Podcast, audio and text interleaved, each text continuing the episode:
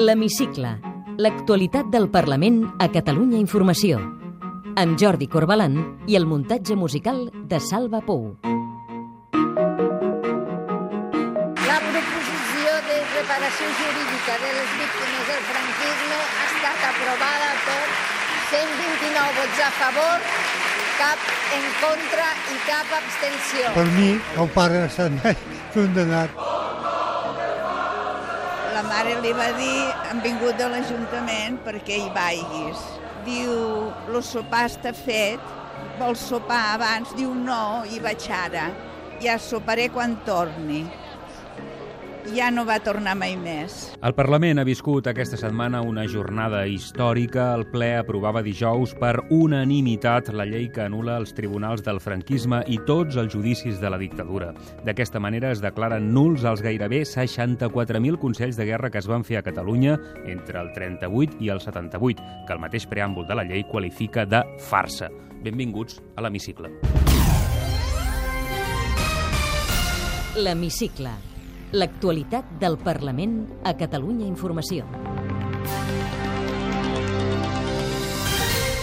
Puigdemont garanteix a la sessió de control del ple que l'1 d'octubre hi haurà urnes, malgrat que el govern ha declarat desert el concurs. Convoca elecciones que va a ser la única vez que usted va a poner urnas de verdad en Catalunya. Tenim la Fiscalia, diguem-ne, posant-se a les ordres dels grups polítics, entre els quals segurament deu ser el de vostè, que s'han convertit en espantafuncionaris. Catalunya ja té una llei que regula el consum i el cultiu de cànnabis a través de les associacions de consumidors. S'acabi amb els dogmes prohibicionistes que han estat la base de la nostra regulació fins ara. El ple aprova també la llei de l'arquitectura. Posar en valor l'arquitectura com a bé d'interès públic i distingir-la com a bé fonamental per garantir el benestar de les persones i la cohesió social. Victoria Álvarez i Javier de la Rosa compareixen a la Comissió d'Investigació de l'Operació Catalunya. Alicia Sánchez Camacho, aparte que la, llamado, la han llamado mentirosa aquí, yo la llamo traidora. No voy a contestar ninguna pregunta.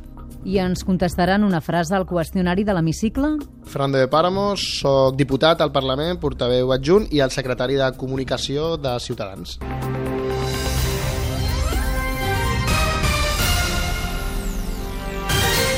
El Parlament declarava dijous nuls els Consells de Guerra franquistes, una mesura que propiciarà que tots els condemnats pel règim entre els anys 1938 i 1978 recuperin la innocència. Ho va aprovar el ple per unanimitat en una jornada històrica i molt sentida per a les famílies dels represaliats. Ho expliquem amb Carme Montero.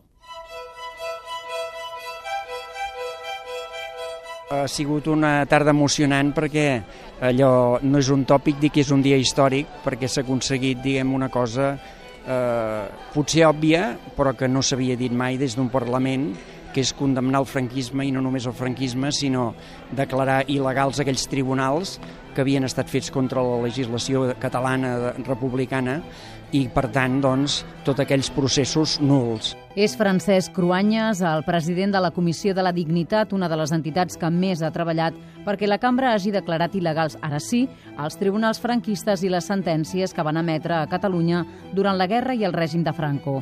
Un acte de justícia per als grups polítics que van aprovar la llei per unanimitat.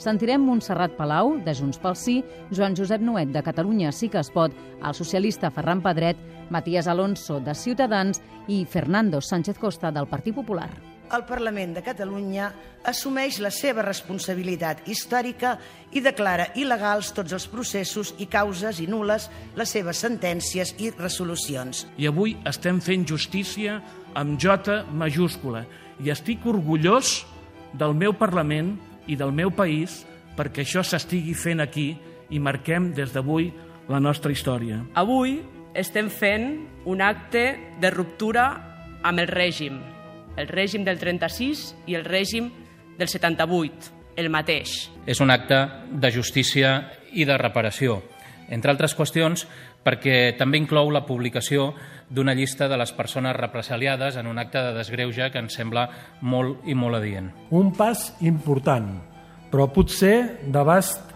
una mica limitat, perquè queden fora d'aquesta llei sentències i resolucions similars dictades en altres llocs d'Espanya i en què hi ha afectats catalans, en què hi ha víctimes catalanes. Rebutgem i condemnem el cop d'estat del general Franco, com rebutgem i condemnem tota dictadura. I refusem de forma especial la repressió dels ciutadans de Catalunya i de la nostra cultura catalana. Crec que he estat clar, veritat. Després de la votació, des del govern, el conseller Raül Romer van fer ja aquesta valoració. El Parlament de Catalunya ha fet un acte de sobirania i en tant que acte de sobirania aquest és un posicionament que té, des del punt de vista moral, però a la vegada també des del punt de vista eh, històric, un pes absolutament inqüestionable. Víctimes, familiars i associacions memorialistes van ser els veritables protagonistes de la jornada al Parlament i van seguir amb emoció el debat des de la tribuna de l'hemicicle i des de dues de les sales de la cambra.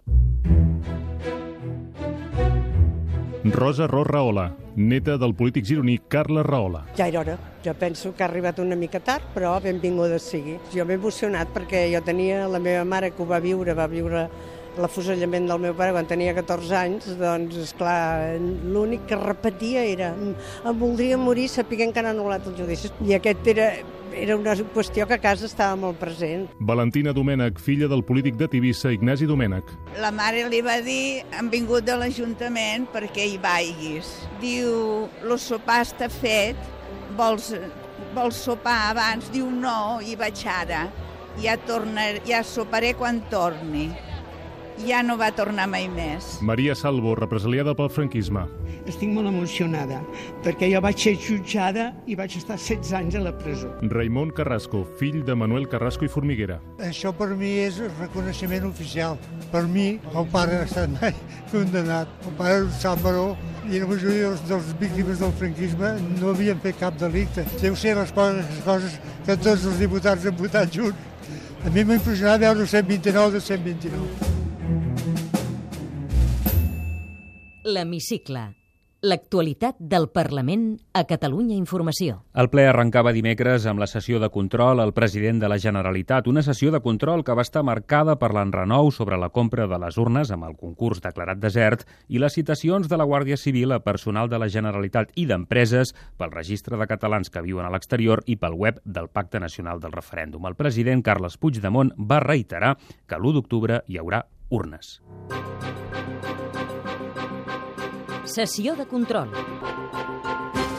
Puigdemont va reptar els líders de Ciutadans, Inés Arrimadas i del Partit Popular Xavier García Albiol a comprometre's a anar a votar l'1 d'octubre si tan convençuts estan que no hi haurà urnes. Después de la chapuza de ayer de las urnas, el último cartucho que le queda de este procés agotado y agotador, vaya al Congreso de los Diputados, defienda su propuesta, acepte el resultado de la votación y cuando vuelva, señor Puigdemont, por favor, convoque elecciones, que va a ser la única vez que usted va a poner urnas de verdad en Catalunya. Perquè, fixis, tenim la Fiscalia, diguem-ne, posant-se les ordres dels grups polítics, entre els quals segurament deu ser el, vostè, el de vostè, que s'han convertit en espantafuncionaris i espanta treballadors públics perquè no se'ls ocorri ni tan sols participar en processos absolutament legals que algun dia algú pogués fer servir per fer el que vostès en diuen un referèndum il·legals. Miri, el dia 1 d'octubre no hi haurà eleccions al Parlament de Catalunya i no convocaré eleccions al Parlament de Catalunya. Ho té clar? Tenía la misma contundencia prometiendo la independencia en 18 meses que la que tiene hoy hablando del 1 de octubre y no va a cumplir ninguna de las dos cosas. Com que vostè diu que no hi haurà urnes, aquest és un compromís que li pot sortir gratis. Tingui el coratge de, de dir, no, no, si hi ha urnes, acceptaré el resultat. És més, fins i tot aniré a votar. Tenga la absoluta garantía que ni usted ni su gobierno van a convocar Diputat, van a celebrar el temps. un golpe. Si vostè té tan clar que no hi haurà urnes, digui que si hi ha urnes vostè irà a votar. I segona, que si hi ha urnes vostè acceptarà el resultat. El socialista Miquel Iceta i Lluís Rebell de Catalunya Sí que es pot van acusar Puigdemont de menys tenir el Parlament. En defensa dels drets dels catalans, en defensa dels drets dels diputats, en defensa dels drets dels grups parlamentaris i de la seva actuació, recorrerem allà on calgui, quan considerem que són trepitjats. Que l'he vist defensar amb molta vehemència els drets dels catalans. Em pot dir exactament els drets dels dos milions de catalans que volen independència, com els defensa vostè, si no és capaç ni defensar els drets dels seus alcaldes que volen participar en el referèndum. Nosaltres el que li fem aquí és una crida eh, formal a que aquest debat sigui portat allí on correspon fer-ho, amb el rigor i amb, la, i amb, la, amb la importància política que té. Nosaltres li demanem, president, que restitueixi al Parlament de Catalunya la seva funció política primordial. I tant que sí. I espero que quan arribi aquella formalitat parlamentària estic convençut que vostès hi seran aquí. Jo espero que tots els grups que ara diuen que el govern fa un menstenyiment perquè no porta en el Parlament quan ells voldrien que es portés en el Parlament, quan ho porti, espero veure'ls en aquí discutint-ho. I el copaire Carles Riera va aprofitar la interpel·lació al president sobre el rescat de la banca per expressar la preocupació de la seva formació pels dubtes del referèndum. La nostra màxima preocupació per les eh, febleses i mancances que nosaltres, francament, estem observant en el procés d'organització del referèndum, que, insisteixo, en generen la màxima preocupació pel que puguin indicar potser d'una certa mancança d'iniciativa, de fermesa i de determinació del govern. L'Hemicicle. El Parlament a Catalunya Informació. El ple rebutjava dimecres amb els vots de Junts pel Sí i la CUP la proposta de Catalunya Sí que es pot per reformar el Consell de Garanties Estatutàries per blindar els drets de les minories parlamentàries davant la reforma que s'està tramitant. La CUP també havia presentat una esmena a la totalitat demanant, però, que el Consell de Garanties no emetés cap més dictamen fins que no s'aprovi un nou estatus polític per a Catalunya després del referèndum. Sentim el portaveu de Catalunya Sí que es pot, Joan Coscubiela, i el copaire Benet Salelles. Sí, és una resposta clara a la reforma del reglament. No pot justificar que algú s'autotorgui la legitimitat de dir i a partir d'ara l'excepcionalitat consisteix en què jo decidiré quines són les institucions que continuen vigents o no continuen vigents. Defensar avui el Consell de Garanties Estatutàries és amordassar la sobirania d'aquest país. L'esmena de la CUP no es va arribar a votar perquè abans els mateixos copaires van donar suport a l'esmena de devolució de Junts pel Sí. El Consell de Garanties precisament està pendent d'emetre el dictamen sobre la polèmica reforma del reglament de la cambra. Catalunya ja té una llei que regula el consum i el cultiu de cànnabis. El ple aprovava la llei de les associacions de consumidors de cànnabis fruit d'una iniciativa legislativa popular que es va començar a tramitar la legislatura anterior. És una llei novedosa a Europa que estableix que les associacions de consumidors no han de tenir ànim de lucre, que s'han d'autoabastar i que els seus membres han de ser majors d'edat. S'estableix que se'n pugui conrear un màxim de 150 quilos l'any i que cada soci no podrà adquirir-ne més de 60 grams al mes. D'aquesta manera, Catalunya avança en la regulació del consum terapèutic i lúdic del cànnabis, segons David Pere Martínez, que va intervenir al ple en representació dels promotors de la ILP. Catalunya pren l'únic camí possible en matèria de polítiques de drogues, la seva reforma en clau normalitzadora, que no s'ha de confondre en cap moment amb la banalització. El cànnabis és una realitat social innegable i indeleble. Tots els grups del Parlament hi van votar a favor, a excepció del Partit Popular i de quatre diputats del PDeCAT, que ho van fer en contra, i del diputat no adscrit Germà Gordó, que es va abstenir. Sentim el diputat popular Alberto Villagrassa i la diputada de Junts pel Sí, Alba Vergés, presidenta de la Comissió de Salut. Han hecho una ley que saben que es ilegal y que creemos que no tendrá mucho recorrido. Por ser liberal no quiere decir que me guste que desde la Administración se quiera dar normalidad al consumo de cualquier tipo de sustancia adictiva o de droga. No és cert que, que haguem obert la porta a tot. Des de la liberalització fins al prohibicionisme tenim tot aquest camí ample del mig. L'Hemicicle. El ple aprovava dimecres la llei de l'arquitectura, que és pionera a Europa. La norma estableix mesures per fomentar i impulsar la qualitat arquitectònica i posar en valor el seu interès públic, reforça la transparència i la publicitat de la contractació pública i estableix mesures per potenciar la participació de petits despatxos, joves professionals i altres col·lectius. El degà del Col·legi d'Arquitectes, Lluís Comeron, va seguir el debat des de la tribuna de l'hemicicle. És un instrument probablement novedós, el segon en tota Europa, que permet consolidar una pràctica que aquí a Catalunya és habitual però que necessita aquest recolzament, que és el de construir bona arquitectura per construir un bon país. I la nova comarca del Lluçanès ha superat el primer tràmit parlamentari. Junts pel Sí, Catalunya sí que es pot i la CUP votaven a favor de la proposició de llei per crear la nova comarca, malgrat que 5 dels 13 municipis afectats van votar no a la consulta popular d'ara fa dos anys. Aquest era el motiu pel qual la resta de grups van presentar esmenes a la totalitat, que no van prosperar. Sentim la diputada del PSC, Eva Martínez, i Lluís Guinó, de Junts pel Sí. No recull la voluntat dels 13 municipis i, sobretot, no genera els consensos necessaris per una modificació de la realitat comarcal. Que avui és un primer pas, avui no acaba absolutament res. L'Hemicicle. El Parlament a Catalunya Informació.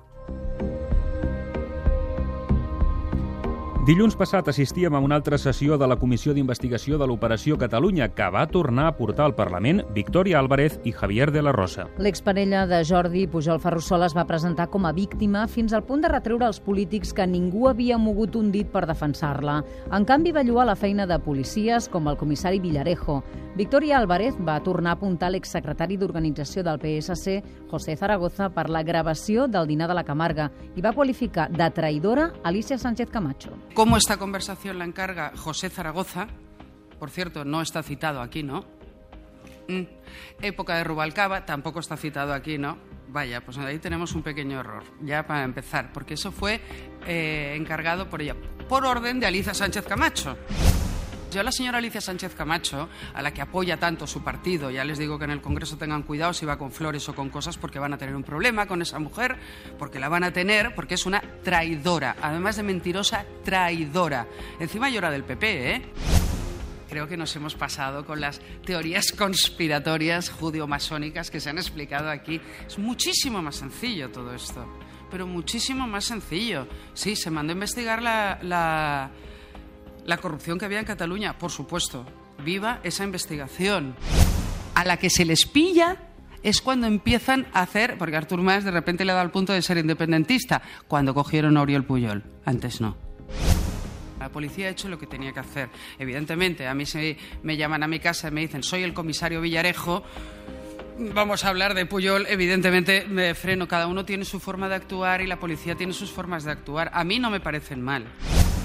Lo que pasa es que si he denunciado a esta gente, lo normal es que las amenazas me estén viniendo del entorno de esta gente. Evidentemente es una, es una evidencia, pero es una opinión. Yo no he dicho a nadie de que la familia Puyol me ha amenazado directamente, para nada.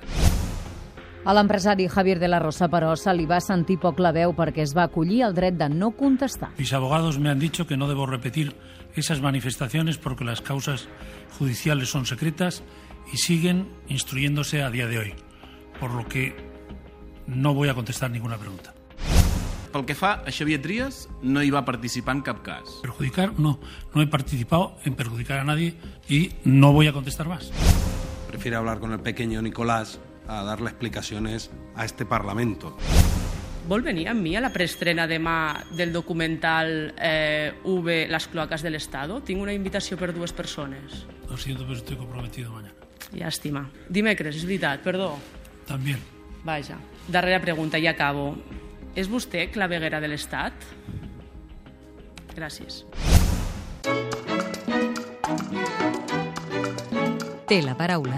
Hola, sóc el Fernando de Páramos, sóc diputat al Parlament, portaveu adjunt i el secretari de Comunicació de Ciutadans. En una frase. El Parlament acaba de votar per unanimitat la llei de reparació jurídica de les víctimes del franquisme. 40 anys són molts anys. Sí, clar, arriba tard, però és una gran notícia que avui el Parlament hagi arribat a un consens de totes les forces polítiques. Això sempre és bo en política per reparar eh, tot el que el que ha suposat aquesta, aquesta llei no? i aquestes famílies, les entitats que han col·laborat i és un reconeixement a la memòria de tantes famílies i per tant estem molt orgullosos d'haver participat amb la resta de grups parlamentaris en aquesta iniciativa. Escolti, l'1 d'octubre anirà a votar?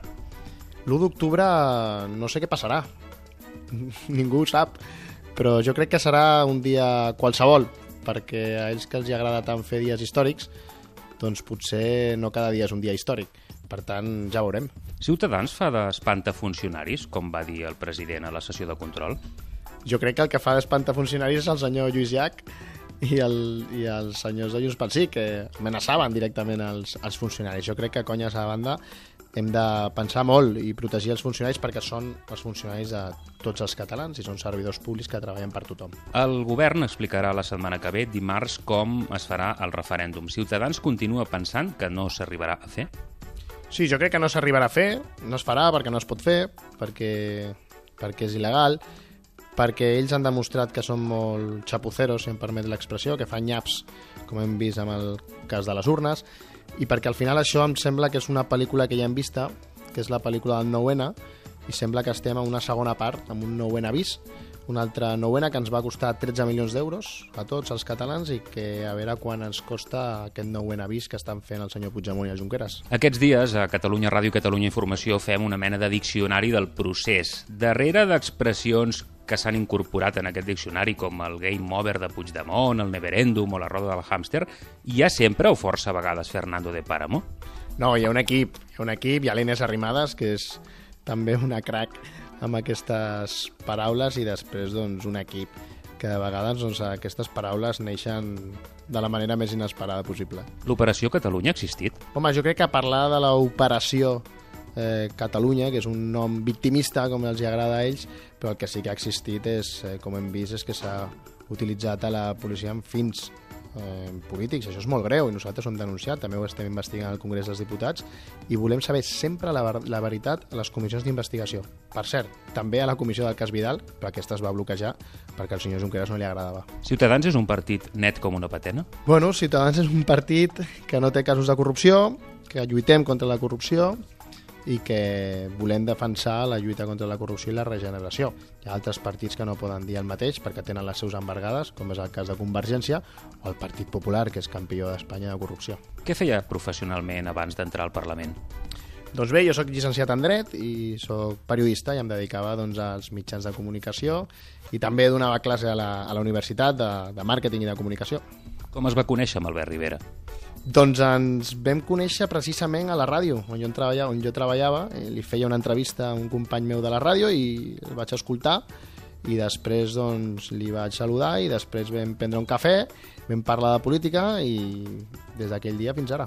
Veurem Fernando de Páramo algun dia al Congrés? Bueno, no ho sé, això és com els futbolistes que diuen el futur sempre està en mans de Déu, no? Que diuen sempre quan parlen de si anirà un equip o un altre.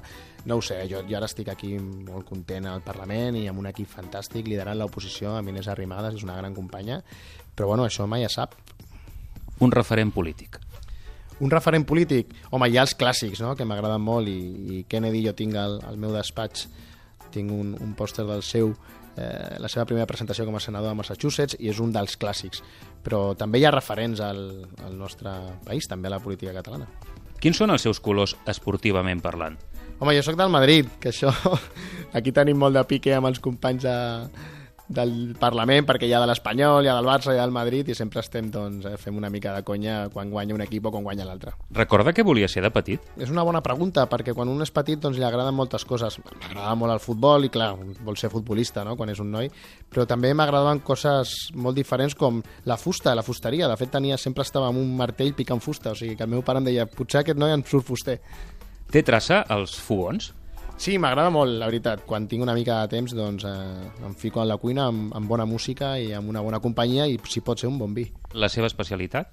Doncs m'agrada molt fer arròs. Creu en el poder de les xarxes socials? Sí, totalment. A part de com a secretari de comunicació, doncs les xarxes és una part important del meu treball, de la meva feina diària, i nosaltres vam néixer a les xarxes, el nostre partit va néixer a les xarxes. Recomani'ns un llibre. Doncs un llibre que he llegit fa temps però que m'agrada molt és Sapiens. La banda sonora de la seva vida. És difícil, però Don't Let Me Down dels Beatles crec que és una obra d'art. Aquestes últimes setmanes a tothom li pregunto el mateix. Pensa fer vacances aquest estiu? Això també en política és molt complicat perquè portem dos anys amb eleccions. Quan no hi ha eleccions, tenim eleccions. I quan no hi ha eleccions, eleccions. I per tant és molt difícil. Però bueno, jo vull tant que sigui un cap de setmana llarg i estar una mica amb la meva filla i amb la meva dona. Què l'omple més a la vida ara mateix?